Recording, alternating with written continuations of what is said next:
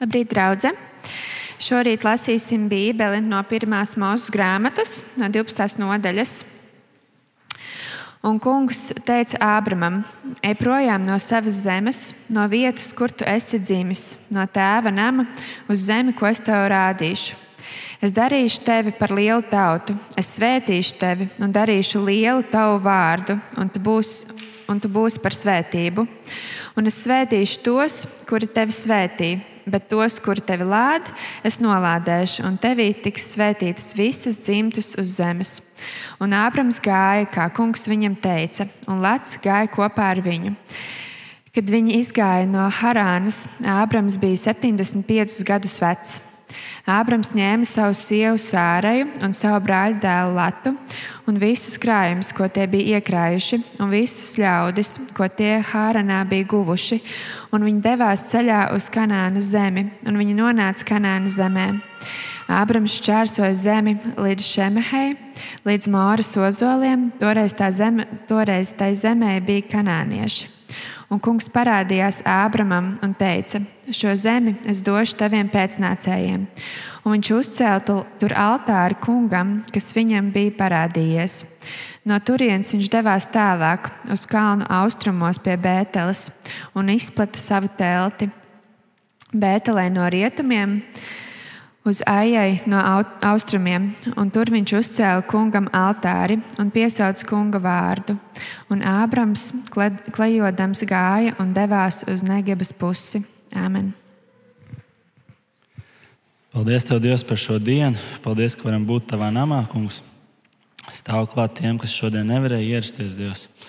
Dod viņiem veselību, tiem, kam ir kādas problēmas, lai viņi varētu nākt un būt kopā ar mums. Tevi slavēt, Dievs! Paldies par, par Edgars brāli. Dievs, paldies, ka tu mums devi iespēju viņu iepazīt. Viņš varēja būt patiesi tavs kalps un parādīt visai Latvijai, kā ir būt par kārtīgu kristieti un staigāt tavs ceļš, Dievs. Paldies par Aināru tēti, ka tu mums devi iespēju viņu iepazīt. Paldies par viņu garo mūžu un stāv lūdzu klāt abām šīm mūsu mācītāju ģimenēm, kad viņiem ir jāatvadās no tuviniekiem Dod lūdzu gaismu Dievs viņu dzīvēs, lai viņi redzētu ceļu tālāk, kad būs kādas grūtības. Pāri visam tur redz, ka viņu mūžs bija svētīgs un viņi varēja būt mums par piemēru un aizskatīt citu cilvēku dzīves, palīdzēt viņiem atgriezties Dievs. Paldies Tev par to. Paldies Tev Dievs par Matīsu. Dod lūdzu, lai viņš varētu runāt, par, runāt Tavu vārdu Dievs sagatavo viņu un dod, lai mēs varētu klausīties un saprast to, ko viņš vēlas mums pateikt, ko tu mums vēlēsi pateikt caur Matīsu. Dod, lūdzu, Dievs, sagatavo Dievs mūsu sirdis svētiem vakarēdienam, ko baudīsim, lai mēs varētu būt atvērti tam un nožēlot savus grēkus. Amen!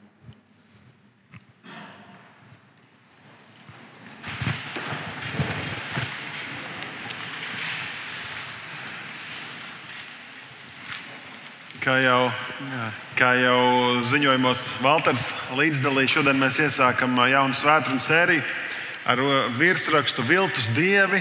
Tā izriet no nu, teiktu, ļoti uh, vieda, gudra uh, un, un, un ietekmīga mācītāja un teologa Timoteja Kellera nu, grāmatas ar tādu pašu nosaukumu. Un mēs mēģināsim saturiski iet eh, soli solī ar šo grāmatu. Tādēļ, ja jums tā ir, tad uh, iespējams ir vērts izvilkt to no grāmatu plaukta un šī, šī nākamā, uh, nu, šīs nākamās sērijas laikā to pārlasīt. Ja jums nav to, to iespēju iegādāties, es ieteiktu nelasīt to ļoti ātri, jo viņi nav diezgan bieza grāmata. Tad jūs būsiet uh, nu, visam priekšā un zināsiet visas pareizās atbildes. Bet, uh, bet iet tā lēnām kopā ar mums vienā solī pārdomājot eh, nu, nedēļas laikā to tēmu un mēģinot izlaist caur sevi, saprotot, vai manā dzīvē ir kaut kādi viltus dievi un, eh, un kā tie ir nomaskējušies. Es, eh, es nesen klausījos kādu podkāstu, kur sarunājās mm, trīs vīri, no kuriem par diviem man vismaz skaidrs, ka viņi ir ir eh, miljonāri un ļoti ietekmīgi nu, sociālos tīklos. Eh, nu, ne tikai Amerikā, bet visā pasaulē daudz viņus klausās. Un, Viņi sarunājās par ļoti dažādām tēmām, gan par uzņēmējdarbību, gan par ģimeni. Un, un kādā brīdī viens no tiem jaunajiem puišiem, kas intervēja šo pieredzējušāko uzņēmēju, viņš viņiem saka, Klau, bet tu gandrīz katrā intervijā, katrā sarunā, ko tu sniedz, tu agrāk vai vēlāk piemini Dievu Un tad jautājums ir, vai cilvēkam vienmēr ir vajadzīgas kaut kādas attiecības ar Dievu, vai var kaut kā, nu, tā teikt, es pārfrāzēju, vai var kaut kā izbraukt bez šī. Un, un šis uh, dzīves pieredzējušākais uh, vīrs, viņš uh, ilgi nedomājot, viņš saka, bet pilnīgi katrs cilvēks tic kaut kādam dievam. Pilnīgi katrs kaut ko pielūdz, pilnīgi katrs kaut kam seko. Jautājums tikai, vai tas ir, tiek nosaukts kristiešu un Dieva vārdā mēs pielūdzam Jēzu Kristu kā savu kungu un glābēju. Vai cilvēks, pat ja nesauc viņu par Dievu, tomēr pielūdz kaut ko citu. Un pats uz sevi viņš atcaucoties teica, manas dzīves pirmos 25 e, e, gadus. Viņš saka, viņ, viņš pielūdza sievietes. Sievietes bija viņa dievs. Viņš, viņš teica, man bija neskaitām daudz dažādas attiecības, dažādas, dažādas intrigas. Un, Un viss pārējais, viņš saka, man vajadzēja to katru sievieti dabūt sev par katru cenu. Un, un ja mēs tā mazliet paskatāmies plašāk šodien uz, uz sevi, uz Rīgu, uz Latviju, eh, arī mēs varam ieraudzīt tik daudz dažādas dievus, ko cilvēki pielūdz. Nu, Kāda no jums bija, kas pirmās rindās ļoti jauna? Es jau biju paudzēs, bet eh, liela daļa no jums labi atminaties 2008. gada finanšu krīzi. Eh, daudziem tas bija liels satricinājums. Daudziem viņu, viņi zaudēja darbu. Eh, bija ļoti sarežģīti samaksāt kredītus par, par nekustamo īpašumu un vienkārši tā teikt, savilkt galus. Bet ļoti daudz, daudz cilvēki, īpaši tā skaitā ietekmīgi uzņēmēji, globāli lielu uzņēmumu vadītāji vai augstu amatu ieņēmēji, šajā gadā, kad sabruka ekonomiskā sistēma, tur izdarīja pašnāvību. Un par to ir daudz gan, gan apkopoti dati, gan, gan ir raksti. Bet uh, 2008. gadā daudz cilvēku, kur liekas, ar, mū, ar acīm skatoties, liekas, viņa dzīvē visa kā ir gana. Viņam ir ģimene, bērni, viņam ir fantastisks darbs, viņam ir finanses vairāk nekā eh, iespējams pat uh, vajadzīgs. Eh, nu, tā, no malas skatoties, protams, tajā brīdī, kad tur es noteikti tā nedomā. Bet uh, viņam liekas, viss. Tas Dievs, kuru viņi ir piedzi, pielūguši un tas, kam viņi ir sekojuši, kuram viņi ir būvējuši savu dzīvi, tā ir manta, tā ir karjera, ir, tā, tā ir šī ietekme, kad tas ir sabrucis, tad dzīve tiek salauzta. Un mēs dzīvojam tādā ar, ar elkiem piepildītā kultūrā.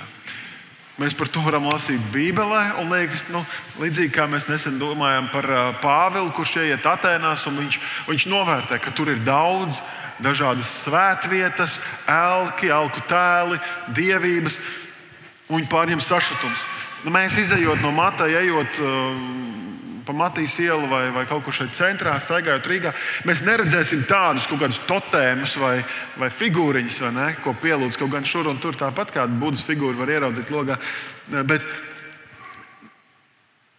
mēs ieraugām dažādas citas svētnīcas, ko cilvēki pielūdz, kam viņi pakārto savu dzīvi. Un, uh, liekas, tās neizskatās pēc baznīcām. Šodienas svētvietas, svētnīcas biežāk izstāsta pēc lielveikaliem, pēc biroju, uh, birojiem, pēc uh, spā centriem, pēc sporta zālēm, pēc uh, sporta stadioniem un arēnām. Un liekas, uh, cilvēki pakārto savu dzīvi tādā mērā, lai tikai pielūgtu kaut ko. Un bieži vien nemaz neapzinoties, ka tā rīcība ir kā pielūgsme. Bieži vien nemaz neieraugot to, ka nu, tāda reliģiskā fanātismā dzīvojot. Un kāpēc tas viss ir? Tas viss ir ne jau nu, tāpēc, ka gribās kaut ko sliktu. Vienmēr jau cilvēks dzenās pēc svētības, pēc labuma, pēc, eh, pēc labākas dzīves. Un, un mēģina kaut kādā veidā atvairīt nelaimes. Un tas viss ir saprotams. Bet šodien skaistumu, varas, naudas, eh, sasniegumu dievi joprojām darbojas diezgan aktīvi mūsu kultūrā. Mēs esam tieši tikpat reliģiozā kultūrā, kādā dzīvoja Abrahams, par ko mēs lasījām, kādā dzīvoja Jēzus eh, nu, mūsu ēras sākumā vai Pāvils. Tie, tie elki ir mazliet pamainījuši savu veidolu vai izskatu. Jo mūsu sirds kas mūsos ir, kas mūsos mājo, tā ir tāda kā elku darbnīca, kas vienmēr ir gatava kalt un veidot un strādāt pie tā, lai būtu atkal jauns kaut kāds pielūgsmes objekts vai subjekts. Man nāca prātā, gatavojoties šai svētdienai, domājot, man nāca prātā tā Žorža Siksnas dziesma, muļķe sirds. Tā ir nekad nekur nav gana. Viņa ne, nekad nav gana. Vienmēr viņa dzenas pēc kaut kā vairāk. Viņa ir pilnīgi apdullusi. Un reizēm tā ir mīlestība, pēc kā tā dzenas. Un, un kādreiz dzenoties pēc kāda cilvēka un pēc tās mīlestības, vienkārši pazūd realitātes kaut kāds skats uz, uz, uz apkārtējo. Reizēm tas ir fanātisks darba holisms, ka tu pazaudēji ģimeni un draugus, jo tu esi ieracies tur. Reizēm tur ir vēl kādas lietas. Bet pēc kā tu dzenies? Kas ir tavas vislielākās ilgas? Kas ir tavs dzīves centrā? Mēs, protams, pareizi atbildam, būtu Jēzus. Bet kā ir īstenībā, ja mēs tā domājam? Kas ir manas dzīves centrā? Mums ir vajadzīgs tas kompass, kas vada mūsu dzīvi, kurš norāda vienmēr skaidru ceļu uz ziemeļiem.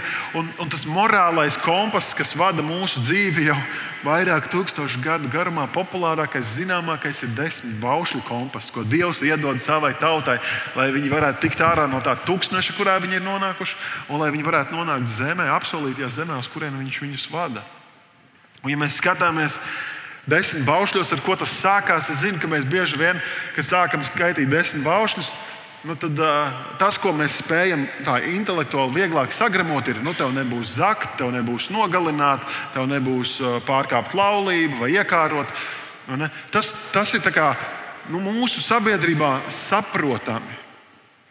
Ne visi to praktizē, protams. Bet to mēs spējam vienoties. Bet desmit baušļi, šis, šis saraksts sākās ar kaut ko daudz lielāku, kam mēs tā virspusē pārskrienam pāri. Un Dievs saka, es esmu kungs, tavs dievs, kas tevi izved no Eģiptes zemes, no vergu nama, lai tev nav citu dievu bez manis. Netaisi sev tēlus un atveidus ne no tā, kas debesīs augšā, ne no tā, kas uz zemes apakšā un ūdenī apakš zemes. Nezemojies tiem un nekalpo tiem, jo es, kungs, esmu greizsirdīgs Dievs, kas piemeklēs tēvu vainas pie bērniem līdz trešajam un līdz ceturtajam augumam. Un tiem, kas tiem, kas mani mīl, bet es daru žēlastību tūkstošiem, tiem, kas mani mīl, un tiem, kas tur manus baušļus. Tad šis morālais kompass sākas ar to, ka ir viens Dievs, un Viņš pieprasa būt tavas dzīves centrā, tavas dzīves tronī. Nevis kaut kas cits, nevis tu pats, nevis tavas attiecības, nevis tava karjera, nevis tava manta, bet Dievs, tas kungs, pieprasa šo vietu. Viņš saka, viņš ir greizsirdīgs Dievs. Viņš saka, es atdaru tiem, kas um, tā dzīvo ar svētību, kas sekos taviem bērniem un bērnu bērniem. Un savukārt, ja tas tā nebūs, tad seko kāds sots. Un es gribētu domāt, ka Dievs šajā pasaulē, kur Viņš ir radījis tik fantastisku mehānismu, kas darbojās nevainojami, Viņš vienkārši zina šos cēloņus un sekas, ka jebkas cits, ko mēs ieliekam savas dzīves un sirds centrā, nespēja nest šo dieva kroni eh, un, un valdnieka troni. Līdz ar to tas noved mūsu iznīcībā. Un tas, ko Dievs šeit caur bauslību saka, ir nevis, ka tur ir kaut kādi elki, bet Viņš saka, netaisi sev elkus. Netaisa ne no tā, kas ir uz zemes, ne apakšzemes, ne zem ūdens. Respektīvi, mūsu sirds, mūsu prāts, mū, mēs paši esam tie, kas veidojam šo selku savā dzīvē, ko mēs pielūdzam, kam mēs gribam sekot. Jo viss, ko mēs izveidojam, tas viss nes līdzi sev sekas. Kas īsti ir augs? Kas, kas, kas ir augs? Es pieminu vairāk kārt šo vārdu. Bet, uh, bet kas tas ir? Tas ir jebkas, kas ir augstāks manā dzīvē par Dievu. Tas, jeb, tas var būt jebkas. Mēs redzam šeit, ka tur Dievs saka, tas var būt gan no zemes, gan no ūdens, gan vienkārši domāju, mūsu domās. Un, un šeit mēs esam baznīcā. Varētu domāt, nu, pamatīs, par ko tu runā. Mēs taču esam kristieši vairāk vai mazāk, vismaz 85%. Es domāju, bet, uh, Bet lasot Bībeli, īpaši vecā derībā, kur ir ķēniņi uzskaitīti, kurš ir labais ķēniņš, kurš ir sliktais ķēniņš, kurš sekoja dievam un kurš nesekoja dievam. Par dažiem var teikt, viņš upurēja dievam, viņš sekoja dievam, bet tad viņš gāja kalnos un tur pielūdza vai bālu vai aštarts. Vai, vai, vai viņš sekoja dievam, bet neiznīcināja jauku altāru, altāru vietas.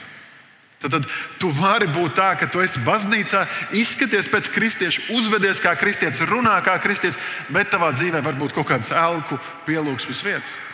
Kuras es, es saku, mēs, mēs bieži vien nedomājam, o, manā dzīvē ir elku pielūgsmes vieta, par ko viņš runā. Bet tur ir kaut kas, ko tu pielūdz, un kas ir svarīgāks tev par Dievu.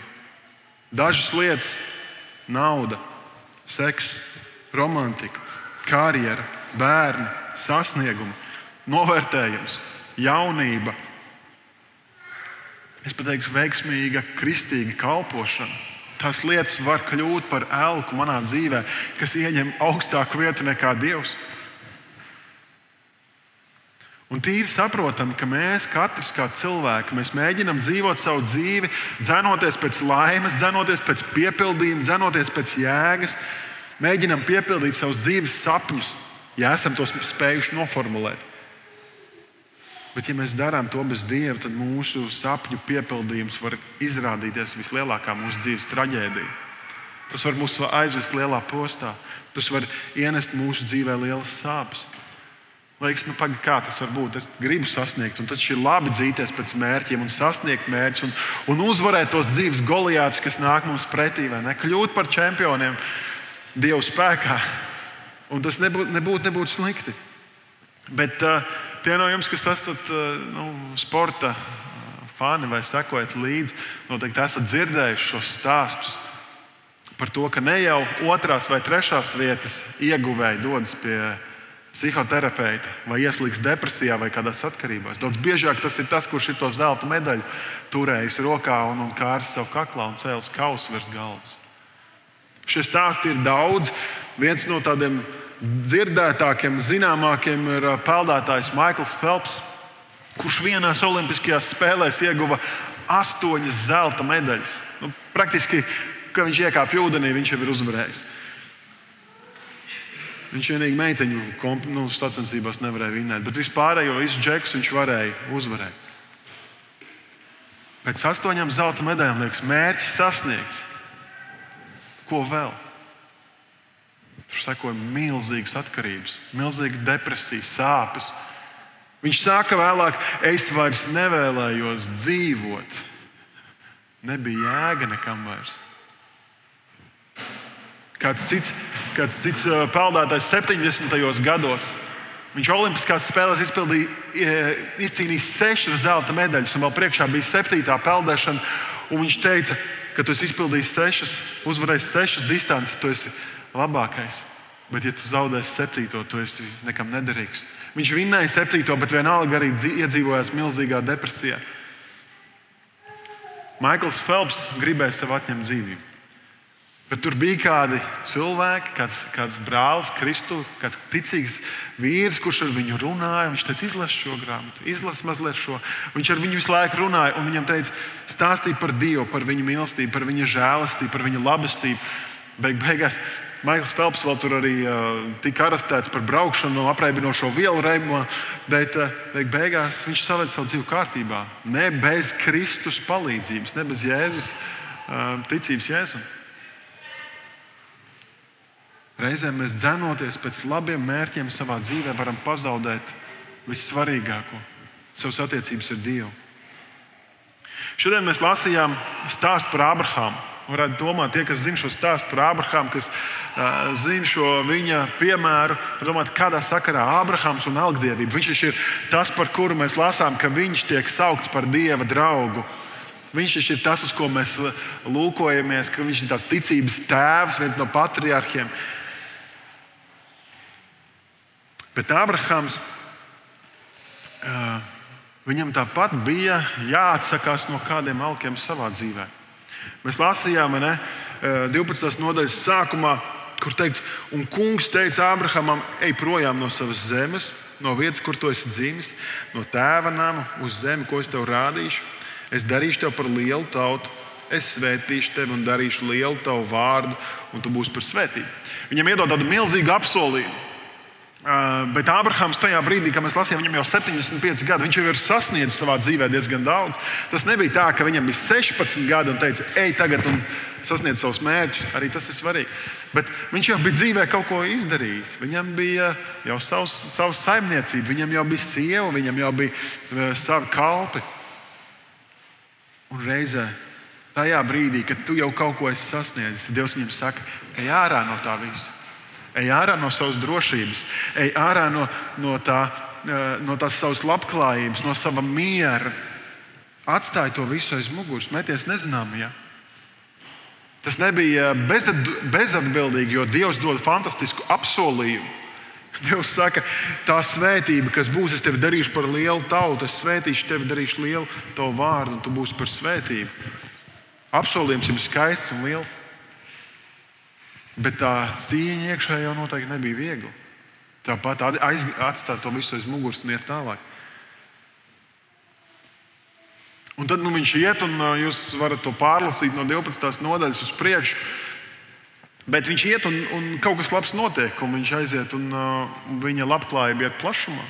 Viņa saimniecība iet la, ap, plašumā, viņa uzņēmēja darbība šodien mēs varētu teikt, plaukst uz zeļu, un viss notiek. Viņš sasniedz, bet viņš sasniedz tikai daļais rezultāts. Viņa labklājība iet plašumā, viņa ģimene neiet plašumā. Viņam, viņam ir uh, tikai lielāks nemieris, jo tā labklājība, ko viņš ir nopelnījis, nespēja dot to gandarījumu un piepildījumu, ko spēj dot ģimene. Ko spēj dot mantinieks, ko spēj dot pirmzimtais dēls. Un viņš nav saņēmis to. Līdz brīdim, kad jau viņam ir tuvu simts gadi, un nu, viņš jau tāds cilvēks, viņš jau nav kaut kāds nu, pārāk naivs, vai ne? Viņš jau ir atmetis cerību. Viņš domā, nu, laikam es kaut ko būšu pārklausījies. Varbūt es kaut ko ne tā biju sapratis, sacerējos par daudz. Bet tad nāk šie divi vīri, kas saka, pēc gada tava sieva tev dzemdēs dēlu. Sāra to dzird, viņa pilnīgi smējās, jo viņa saprot, kā sievietes ķermenis strādā un ka tā kā īsti jau vairs nebūs. Bet, eh, bet ja Dievs kaut ko ir teicis, un viņš apsolīja, tad viņš arī izdara. Un pēc gada sārā ir piedzimis dēls Īzaks. Īzāk vārds nozīmē smiekli, jo tik absurdi un tik smieklīgi uh, tas izskatījās. Tas nevarēja būt reāli. Tas bija pārāk labi, lai būtu patiesi. Un no Abrahāms ir laimīgs. Viņš ir ne tikai viņa, viņa saimniecība ir iz, uzplaukusi un izaugusi, bet no arī viņa ģimene. Beidzot, ir tā cerība, beidzot ir tas mantinieks, beidzot ir tas, kurš nesīs viņa vārdu plašumā, un tā svētība patiešām varēs iet plašumā. Jo, ja no Abrahamam ir tikai viens dēls, tad Īzākam noteikti būs vairāk. Un tad Dievs ar viņu runā atkal. Un Dievs eh, runā uz eh, Abrahāmu, un viņš saka, ņem savu dēlu, savu vienīgo, kur tu mīli, Īzaku ej uz Morijas zemi un upurē viņu tur, kā sadedzināmo upuru uz kalna, kur es tev teikšu. Tas viss grūtākais, ko Ābrahams jebkad ir dzirdējis. Daudz vieglāk bija atstāt savu tēva, tēva namu. Daudz vieglāk bija iet jaunā, nezināmajā. Daudz vieglāk bija sākt visu no jauna nekā sirmā vecumā jau atteikties no tās nākotnes, kura jau ir atteikties no sava dēla. Dievs viņam nesaka vienkārši upurē man savu dēlu. Dievs, Dievs saka, ņem, savu, ņem no savu dēlu savu vienīgo, kur tu mīli. Nebija tā, ka, viņam, viņš, viņš viņu nevarēja ciest. Tā bija viņa lielā mīlestība, viņa lielā cerība. Īzeks viņam nozīmē visu nākotni, kas ir iekšā. Visu apsolījumu piepildījums nebija tikai tur, tajā mirklī, ar to labklājību, kas ir, bet tā apsolījuma piepildījumam bija jābūt tālāk. Kā labs Dievs var lūgt kaut ko tik nežēlīgu? Kā Dievs var prasīt kaut ko tādu? Harvards Universitātes pasniedzējs, ebreju kultūras pētnieks Džons Levensons apgalvo, ka mēs ar savam rietumnieku uh, pasaules uztveri to nespējam saprast. Jo mēs esam individuālisti, uz sevi vērsti. Mēs dzīvojam paši sev un domājam par savu labklājību, kamēr tuvu austrumu kultūrā, ebreju kultūrā, uh, ģimene, mantinieks, uh, tā, tā ir viena vienīga. Pirmzimtais dēls iemieso sev visu cerību par nākotni. Vi, visas cerības, visas ilgas, visas gaidas, visas nākotnes status un ģimenes vārds gulstās uz šī pirmzimtā dēla pleciem. Viņš saņem vislielāko mantojuma daļu. Viņš ir tas, kurš turpina uh, savu tēva līniju. Un tas ir iesaistīts Abrahama sirdī ka nu, Dievs un Īzāks ir ļoti līdzvērtīgi viņa acīs. Ka Īzāks bez maz vai jau kļūst svarīgāks par Dievu. Jo te jau ir nākotne, te jau ir cerība, te ir manas ilgas, te ir manu ilgu piepildījums. Dievs saka, vai tiešām? Un tas, tas izaicinājums tajā brīdī, kad tu sasniedz savus kaut kādus mērķus un sapņus, ir Vai Dievs manā dzīvē ir bijis, vai Dievs Abrahama dzīvē ir bijis tikai kaut kāds labs līdzeklis savu mērķu sasniegšanai? Vai Dievs tomēr ir, Dievs ir pāri visam? Pirmdzimtais var reizē, tā kā viņš iemieso visas savas ģimenes nākotnes cerības, tad viņš ir arī tas, kurš var paņemt sodu uz sevi. Viņš ir vienīgais, kurš var samaksāt savas ģimenes grēku jo viņš ir tas, kurš nes cerību par nākotni. Es neapskaužu Abrahamu tajā viņa gājumā uz kalnu. Es negribētu būt viņa vietā. Un, uh, es ticu, ka tas ceļš bija ļoti grūts.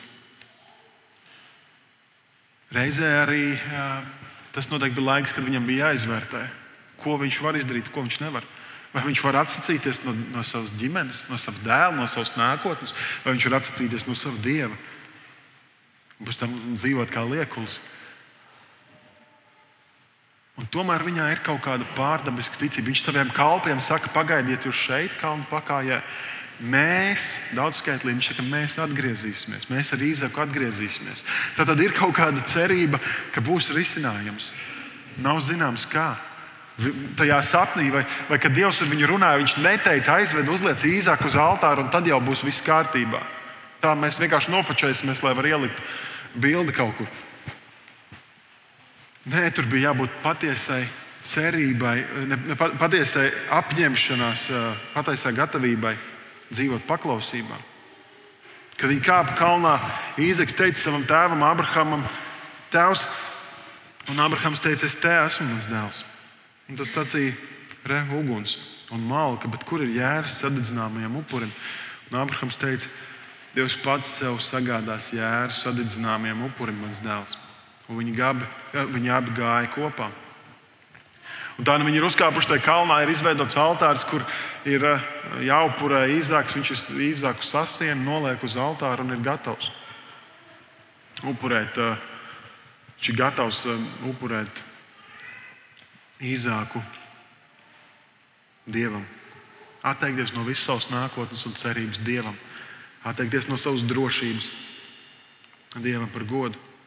Un tajā brīdī Dieva balss skan: Neizstiep savu roku pret zēnu un nedari viņam neko. Jo tagad es zinu, ka tu bīsties Dievu un neesi manas dēļ taupījis savu vienīgo dēlu. Es zinu, ka tu bīsties Dievu un neesi manis dēļ taupījis savu vienīgo dēlu. Tu neesi taupījis to, ko tu mīli, tu neesi taupījis to, pēc kā tu ilgojies, pēc uz ko tu ceri. Un tu bīsties mani, bīsties Dievu. Bīties Dievu nenozīmē vienkārši dzīvot kaut kādā paranoijā un bailēs, paniskās no Dieva, bet uh, bīties Dievu nozīmē paļauties uz viņu, mīlēt viņu, uzticēties viņa vadībai, pat tad, kad ar manu prātu liekas, ka tā ir neloģiska. Bet, ja tu skaidri zini, ka, ir, ka tas ir Dieva plāns, tad sekot tam. Bība pieaug mūsos, piedzīvojot Dieva žēlastību. Bība uh, pieaug, tad, kad mēs piedzīvojam, cik daudz mums ir piedots. Mēs arvien vairāk iemīlam Dievu, mēs arvien vairāk viņu spējam nolikt uh, dzīves pirmajā vietā. Mēs varam vairāk nodoties viņam. Abrahamam bija ceļš kopā ar dēlu, kas bija jā, jāmēro kalnā. Kas ir tavas dzīves vislielākās ilgas? Kas ir tavs ceļš kalnā? Kas ir tev pie rokas? Par ko tev ir tas nespēja saprast, kāda būtu mana dzīve, ja Dievs man lūgtu atteikties no šī? Vienalga, vai tas būtu. Vai tā būtu mana ģimene, vai karjera, vai status, vai labklājība, vai drošība, vai veselība. Kas ir tavs dzīves īzāks? Jebkurš viltus dievs, ko tu savā dzīvē noliksi pielūgsmes vietā, tevi vedīs postā. Neviens bērns, pat ja tas ir kā Abrahama gadījumā Īzaks, neviens bērns nav spējīgs nest šo pielūgsmes lomu. Neviens bērns nav spējīgs nest dieva lomu. Tā nāsta ir par smagu. Abrahams bija gatavs atteikties no tā. Reizē Dievs to pasaudzēja, Dievs viņu pasargāja. Pēc vairākiem, eh, pēc daudziem gadiem, kāds cits tēvs, kaut kur turpat netālu, tajos kalnos, bija gatavs atdot savu pirmdzimto dēlu. Dievs bija gatavs atdot savu vienpiedzimušo dēlu, Jēzu Kristu, lai tu un es, lai mēs varētu dzīvot. Jēzus upuris, tas spēja darīt dzīvi, tas spēja atjaunot. Mēs šodien tūdaļ baudīsim svēto vakarēdienu. Tas mums atgādina par Jēzus izlietām asinīm. Tas mums atgādina par to, ka Jēzus bija šis upura jērs, lai mēs savā grēcīgumā, mēs, kas maldāmies bieži vien savā dzīvē, ka mēs varam atgriezties pie Viņa atdot savas prioritātes, atdot savus, savus plānus, savus mērķus, savas iegribas, savas vēlmes pie viņa kājām. Teikt, tu esi viss centrā. Tu vadi manu dzīvi. Es uzticos tev. Es aicinu, ka tu šajā nedēļā izmeklē savu sirdi. Domā par to, kas ir tavs dzīves visdārgākais. Un kur tas ir iepratim Dievam? Vai tas ir pakļauts Dieva varenībai, vai tomēr Dievs joprojām ir tikai kaut kāds līdzeklis tavā dzīvē, lai tu justos labāk, lai tu saņemtu kaut kādas svētības. Es aicinu, ka mēs varam piecelties, ka mēs varam lūgt. Dzīvais Dievs, es te pateicos par tavu žēlastību. Paldies tev par to, ka tu mums esi iedevis šo pamācību un, un teici, ka tev pienākās mūsu dzīves tronis, ka tu esi kungu kungs un ķēniņš, ķēniņš, un ka nekā nav šajā pasaulē, kas būtu augstāks par tevi. Piedod, ja mūsu dzīvē ir kādi slēpti dievi un viltu sēlki, ko mēs pielūdzam. Es lūdzu, ka mēs varam to visu nolikt pie tavām kājām. Un ļauties, ka tu mūs mazgā un šķīstī baltākus nekā sniegs. Jo tu esi kungu kungs. Tavā svētā vārdā to lūdzu. Amen.